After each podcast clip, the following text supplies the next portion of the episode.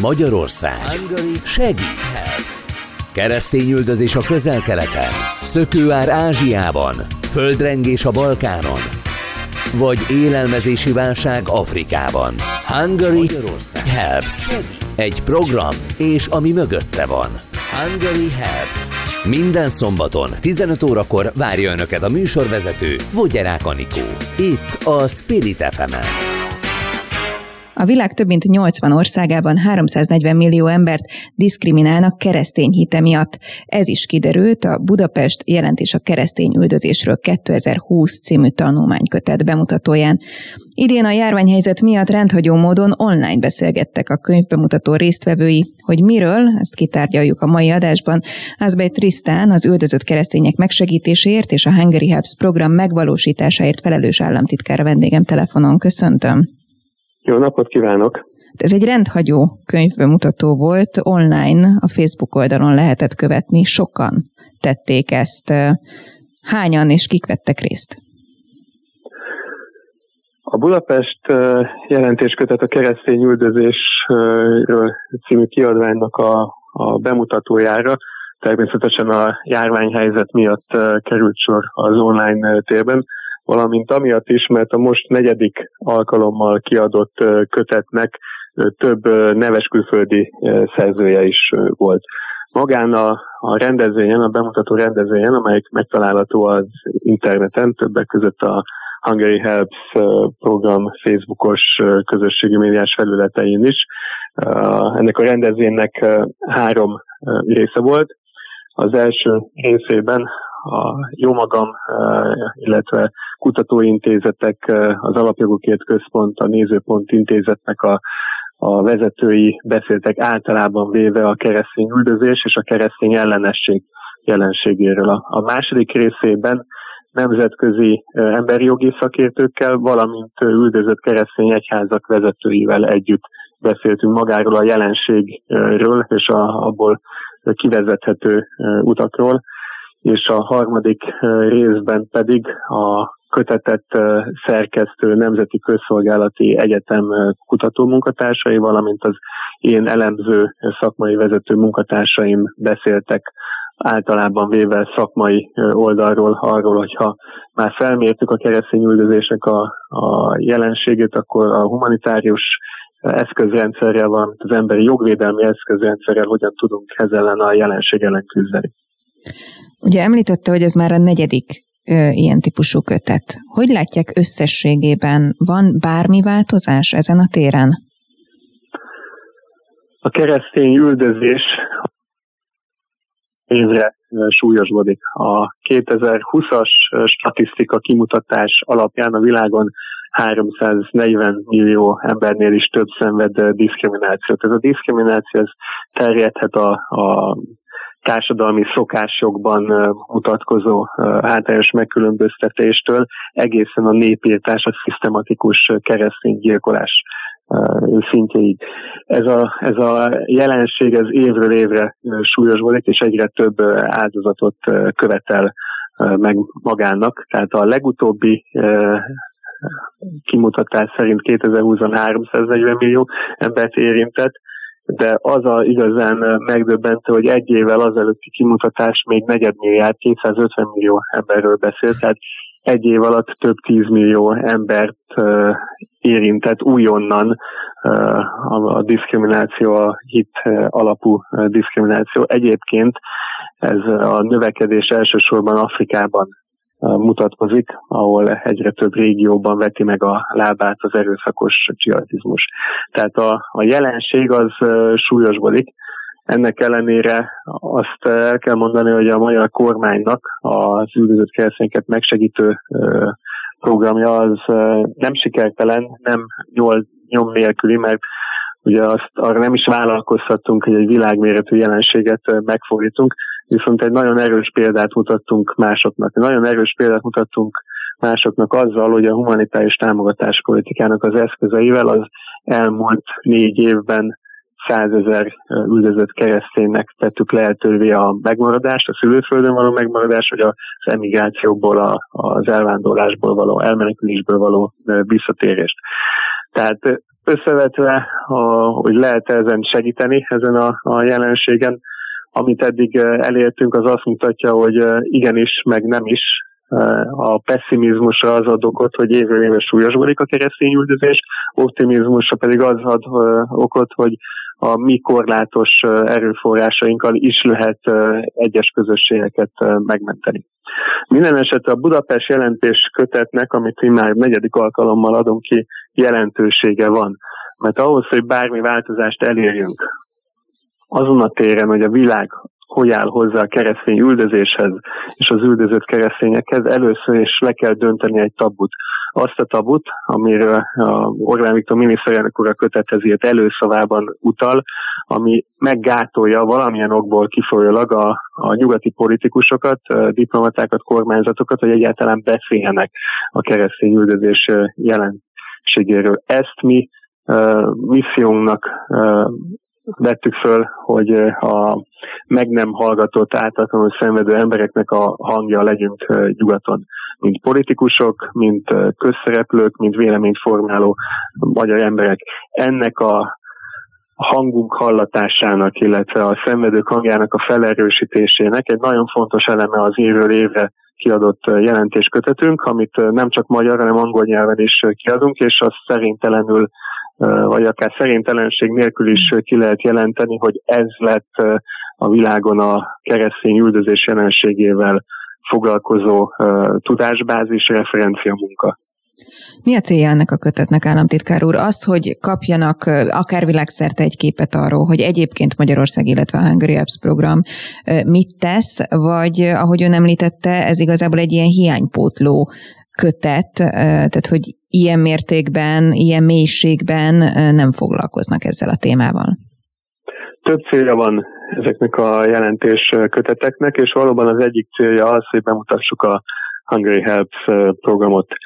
Én jegyzek általában véve a Hungary Helps program tapasztalatairól és eredményeiről egy tanulmányt ebben a kötetben, de munkatársaim egyes régiókra lebontva egyes országokba országok példája mutatja be, hogy mi az, amit el lehetett ér, érni magyar részről a humanitárius támogatás eszközeivel. Ez nagyon fontos egyrészt azért, hogy például szolgálhassunk más kormányzatoknak, sőt azoknak a nemzetközi szervezeteknek, akiknek az lenne a feladata, hogy megév, megóvjon minden olyan embert, akit az emberi, akiknek az emberi jogait sértik, így az üldözött keresztényeket, de másrészt persze szükséges az, hogy bemutassuk a, a, az eredményeinket is, és azt is, hogy általában véve Magyarország és a magyar kormány hogy áll az emberi jogi kérdésekhez. Ez azért szükséges, mert a fősordalatú nemzetközi médiában nagyon sok rágalmazott torz információ született arról, hogy Magyarország hogy közelíti meg a humanitárs válsághelyzeteket, vagy a humanitárs válságba jutott embereket. Tehát ez fontos, de ennél fontosabb az a misszió, amiről az előző válaszomban számoltam be, arról, hogy ez egy elhallgatott jelenség.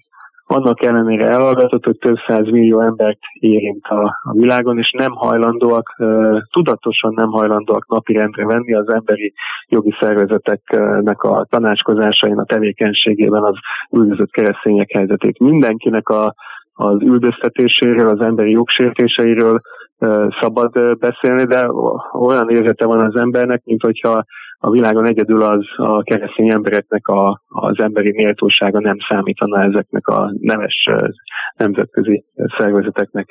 Tehát van egyfajta úgynevezett advokációs emberi jogvédelmi, vagy akár mozgalmának is tekintető az a küldetése, amikor nem hagyjuk elhallgatni ezt a, a problémát, és a politikai szólamokon messze túlmenően kutatási eredményekkel alátámasztva mutatjuk be ennek a jelenségnek a súlyosságát. Ez nagyon fontos, hogy ez a kiadvány, ez nem a miniszterelnökség hangjai elszóga megvalósításait felelős államtitkárságának a, a kiadványa, hanem ezt a Nemzeti, Nemzeti Közszolgálati Egyetem szerkeszti, és a, a tanulmányszerzőknek a jelentős része az az akadémiai kutatói szektorból kerül ki, tehát ez egy tudományos alapú munka.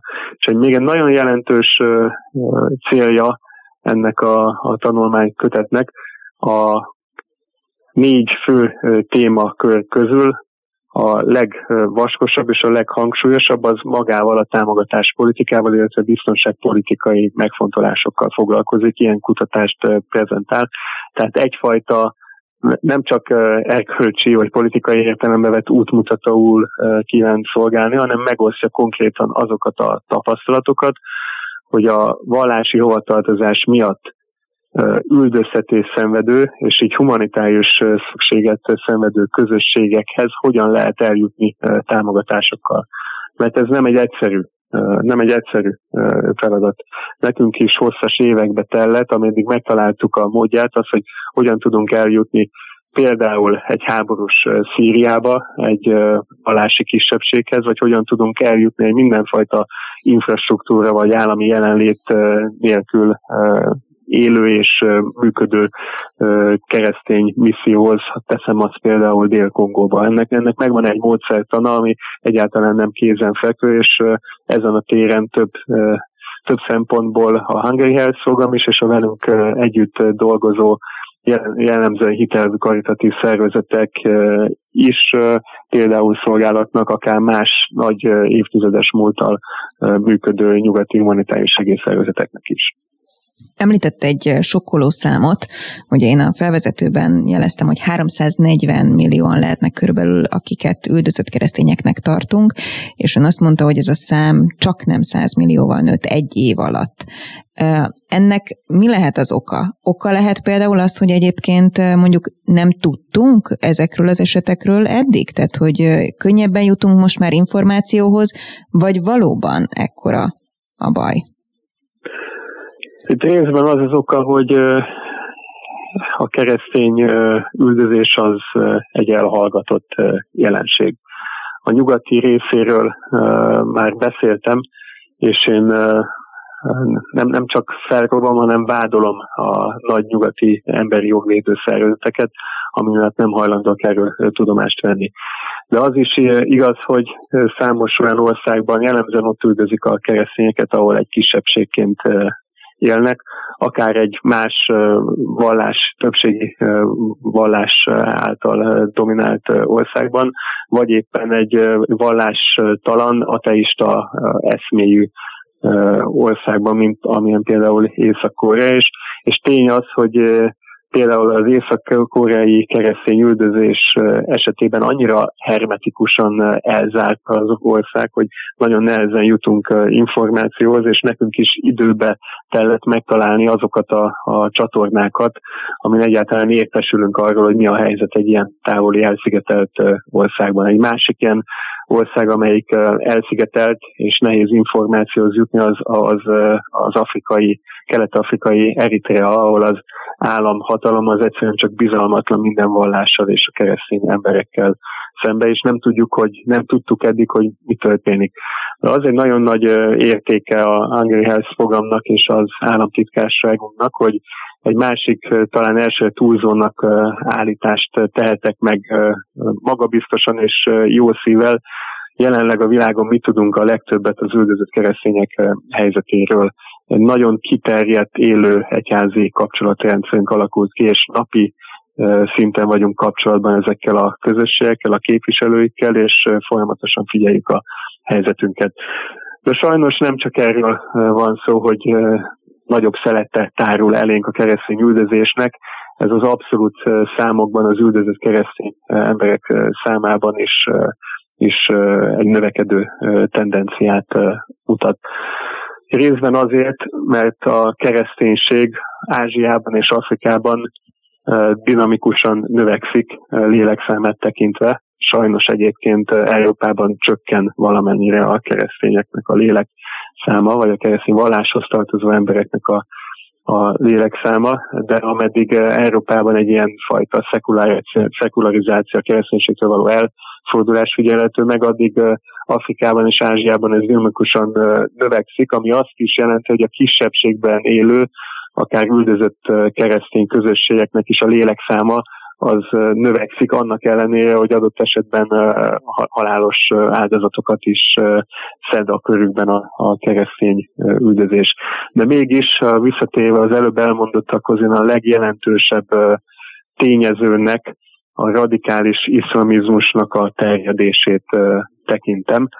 Afrika szempontjából. Korábbi műsorokban már beszéltem, beszámoltam arról a tragikus tényről, hogy Afrikának különböző régióiban üti föl a fejét az iszlamizmus, de azt tekintető, az, az elmondható, hogy a Szarától délre fekvő területen ezek a nagy nemzetközi, hát egy kicsit fekete humorral azt lehet mondani, hogy franchise-szerűen működő iszlamista szervezetek újabb és újabb területeken vetik meg a lábukat.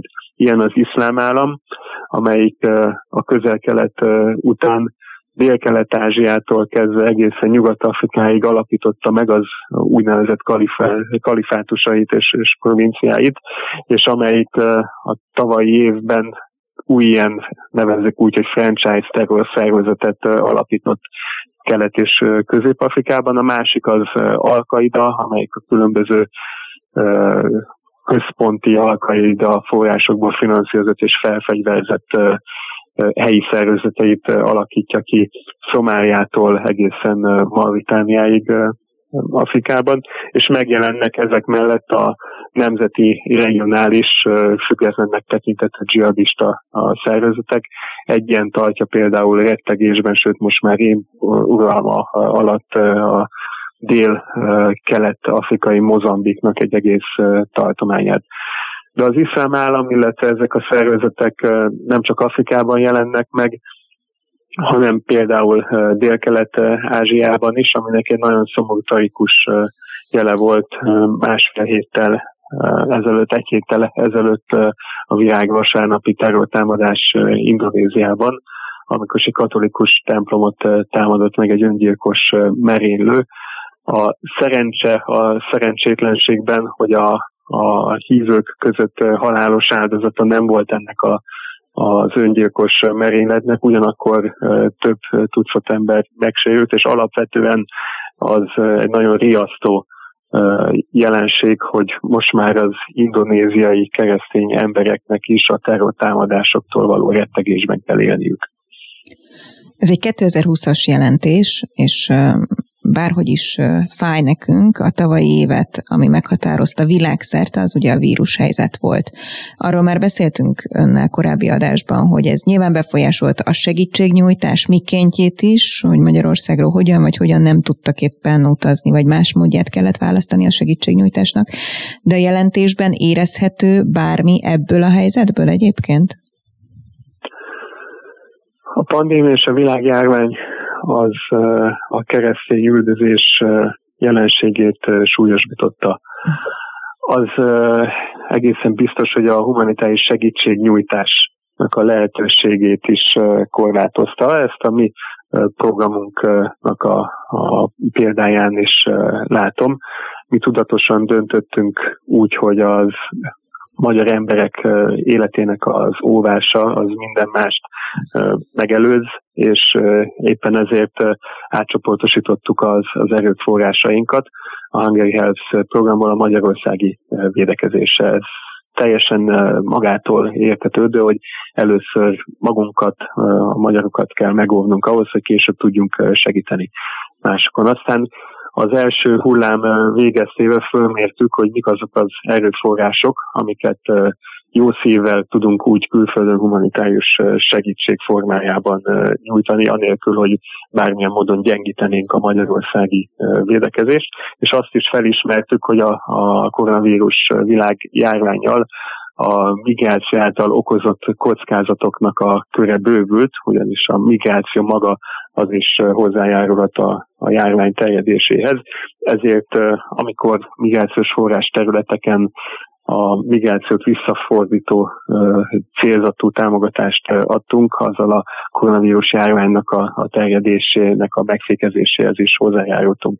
De ez csak a humanitárius támogatási kérdés, amint azzal egyébként a jelentéskötetben külön fejezet foglalkozik, az üldözött keresztények, a diszkriminált keresztények helyzetét drámai módon súlyosbította a koronavírus járvány. És ennek alapvetően két oka van.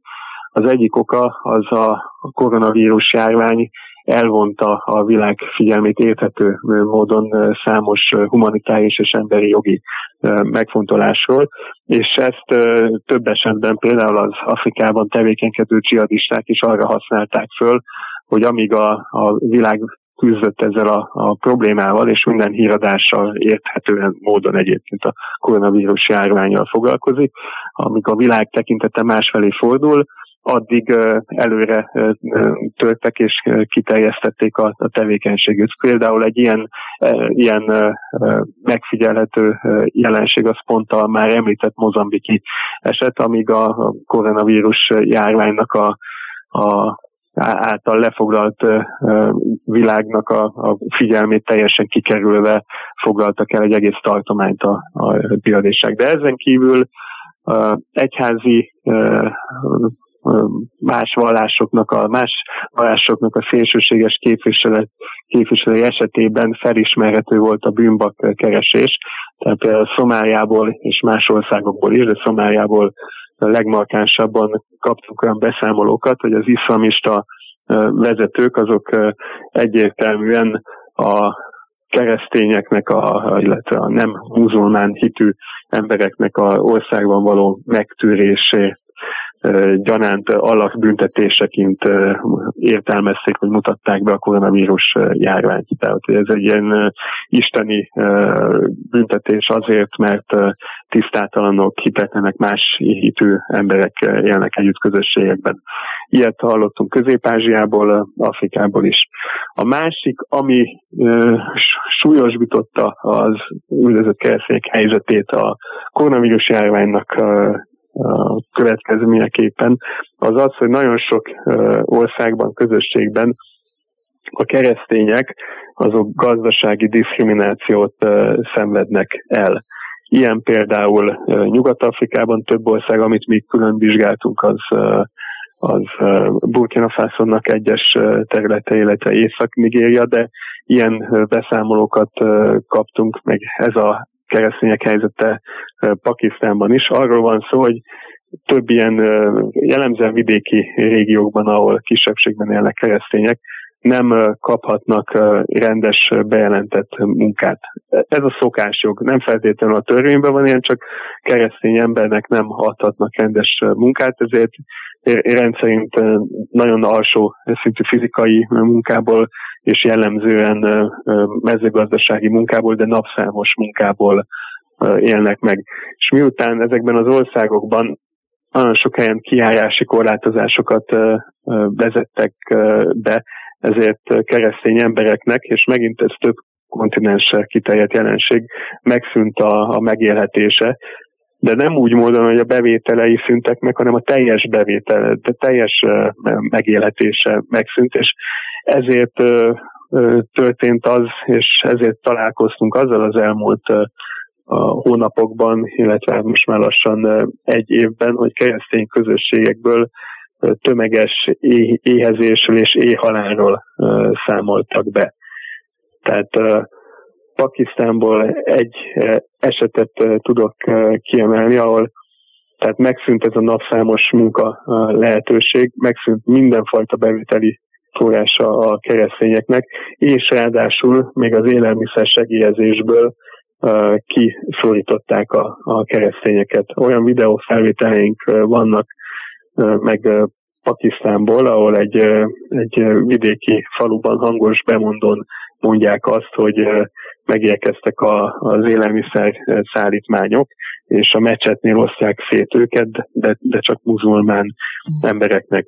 És ebben a pakisztáni esetben tehát egy olyan, olyan segélykiáltást hallottunk, illetve kaptunk meg, hogy egy, egy ötgyermekes terhes édesanyja halt halált, és ez nem egy szörnyű elszigetelt eset, hanem tömegesen számoltak be ilyen, ilyen tragédiákról.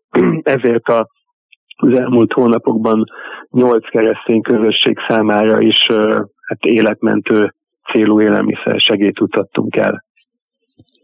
Államtitkár úr, húsvét van, a kereszténység egyik legkomolyabb ünnepe. Ebben az időszakban hát nem szokatlan sajnos, hogy a kereszténységet világszerte támadás éri. Várható az idén is, illetve ilyenkor mondjuk mit lehet tenni, meg lehet-e előzni ezt? Egy program tud bármit cselekedni? Igen, nos, hát az a tragikus jelenség, az minden évben megfigyelhető, hogy a legfontosabb keresztény ünnepkörök idején terrortámadás sok érik az ünneplő keresztény közösséget. Ez a karácsonyi és a húsvéti ünnepi körben, időszakban sajnos minden évben megfigyelhető volt. A tavalyi évben karácsony idején valamivel enyhébb voltak, enyhébbek voltak a, a támadások, aminek sajnos nem a keresztény üldözés mértékének a csökkenése volt az oka, hanem az volt az oka, hogy számos országokban a járványvédelmi okok miatt nem tartottak meg keresztény ünnepeket, de ennek ellenére csak Nigériából három olyan esetet hallottunk, amikor a karácsonyi szentmisét vagy Isten tiszteletet támadták meg fegyveresek és halálos áldozatokat követelő terrortámadásokat követtek ellenük. A húsvéti ünnepi körben ez sajnos szintén jellemző. Ugye idén virágvasárnap már Indonéziában történt egy ilyen támadás, csak reménykedni tudunk benne, illetve aki hívja az imádkozni tud érte, hogy mostani húsvéti ünnepek alapján ne, ne legyenek ilyen atrocitások, de hát a, a realitások és a, a közelmúlt nem ezt mutatja. Közelmúlt nem ezt mutatja, és ezen kívül pedig ezen kívül pedig föl kell készülnünk arra, hogy nem csak a katolikus ünnepi körben, hanem majd figyelnünk kell nagyon május elején, vagy az ortodox húsét idején milyen támadások következnek be. Nyilván mi Magyarországról nem tudunk egy terrorcselekményt megakadályozni, viszont a, a szomorú tapasztalat alapján kidolgoztunk egy olyan módszert, hogyha megtörténik egy ilyen terrortámadás, akkor a lehető leggyorsabban, lehetőleg akár 24 órán belül is segítséget, támogatást tudjunk küldeni. Ilyenkor anyagi jellegű támogatásra lehet szükség. Az a tapasztalat, hogy gyakran maradnak kenyérkereső nélkül családok, gyakran hát jutnak ármaságra a terrortámadások után keresztény gyerekek és ezért van szükség az ellátásukra, valamint a súlyosan sérült túlélőknek a, a kórházi rehabilitációját szoktuk uh, támogatni. Fölkészültünk erre a szomorú feladatra, de készen állunk, hogyha megtörténik a baj, akkor segítséget tudjunk adni. Remélhetőleg erre nem lesz szükség. Azbej Trisztán az üldözött keresztények megsegítésért és a Hungary Alps program megvalósításáért felelős államtitkár. Köszönöm szépen a beszélgetést, és áldott ünnepet kívánok önnek. Áldott húsvétot kívánok én is. Köszönöm szépen.